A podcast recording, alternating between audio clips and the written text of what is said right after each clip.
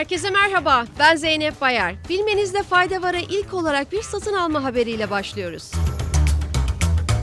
Alman havayolu firması Lufthansa grubun kurumsal ödeme hizmetleri sağlayıcısı Airplus'ı 450 milyon euroya İsveç merkezli banka SEB'ye satmak için anlaştığı bildirildi. Satış anlaşmasının gerekli onaylarının alındıktan sonra gelecek yılın ilk yarısında tamamlanması öngörülüyor. Öte yandan AirPlus'ın satışından sonra küresel ödeme ağı UATP'nin üyesi olmaya da devam edeceği aktarıldı. Sırada cinsiyet eşitliğinin sağlanması adına harika bir haberimiz var.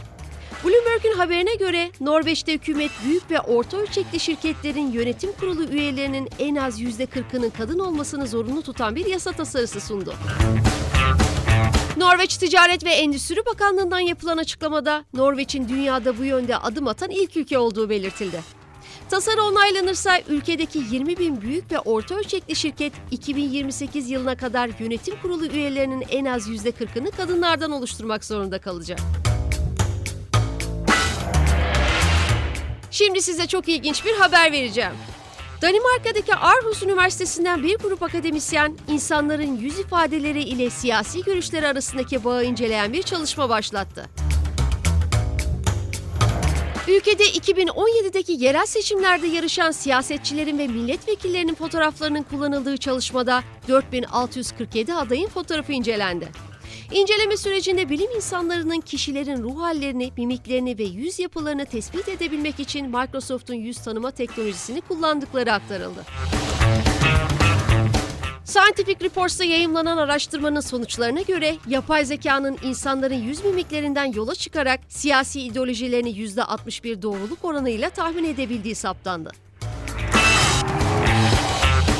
Birleşmiş Milletler İnsan Hakları Yüksek Komiserliği'nin son yayımladığı rapora göre dünya nüfusunun yaklaşık %3,6'sının doğduğu ülke ya da bölgenin dışında yaşamak zorunda kaldığı aktarıldı. Raporda dünya genelinde 2022'de çatışma, şiddet, insan hakları ihlalleri veya kamu düzenini ciddi şekilde bozan olaylar neticesinde 108,4 milyon insanın zorla yerinden edildiği bildirildi. Öte yandan dünyadaki tüm mülteci ve uluslararası korumaya ihtiyaç duyan kişilerin %52'sinin Suriye, Ukrayna ve Afganistan kökenli olduğunun altı çizildi. Almanya'dan gelen bir nüfus haberiyle veda ediyoruz. Almanya'nın nüfusu göçmenlerin etkisiyle 2022'de bir önceki yıla göre 1 milyon 122 bin kişi artarak Doğu ve Batı Almanya'nın birleşmesinden bu yana en yüksek yıllık artışı kaydetti. Nüfustaki artışın Almanya'ya taşınan yabancılardan kaynaklandığını vurgulayan Alman Federal İstatistik Bürosu, önceki yıllarda olduğu gibi geçen yılda ülkede hayatını kaybeden insan sayısının doğanlardan daha fazla olduğunu belirtti.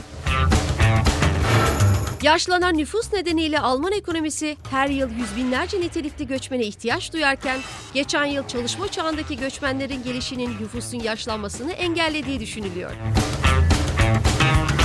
Biliminizde fayda varın bugünkü bölümünün sonuna geldik. Sağlık ve mutlulukla kalın.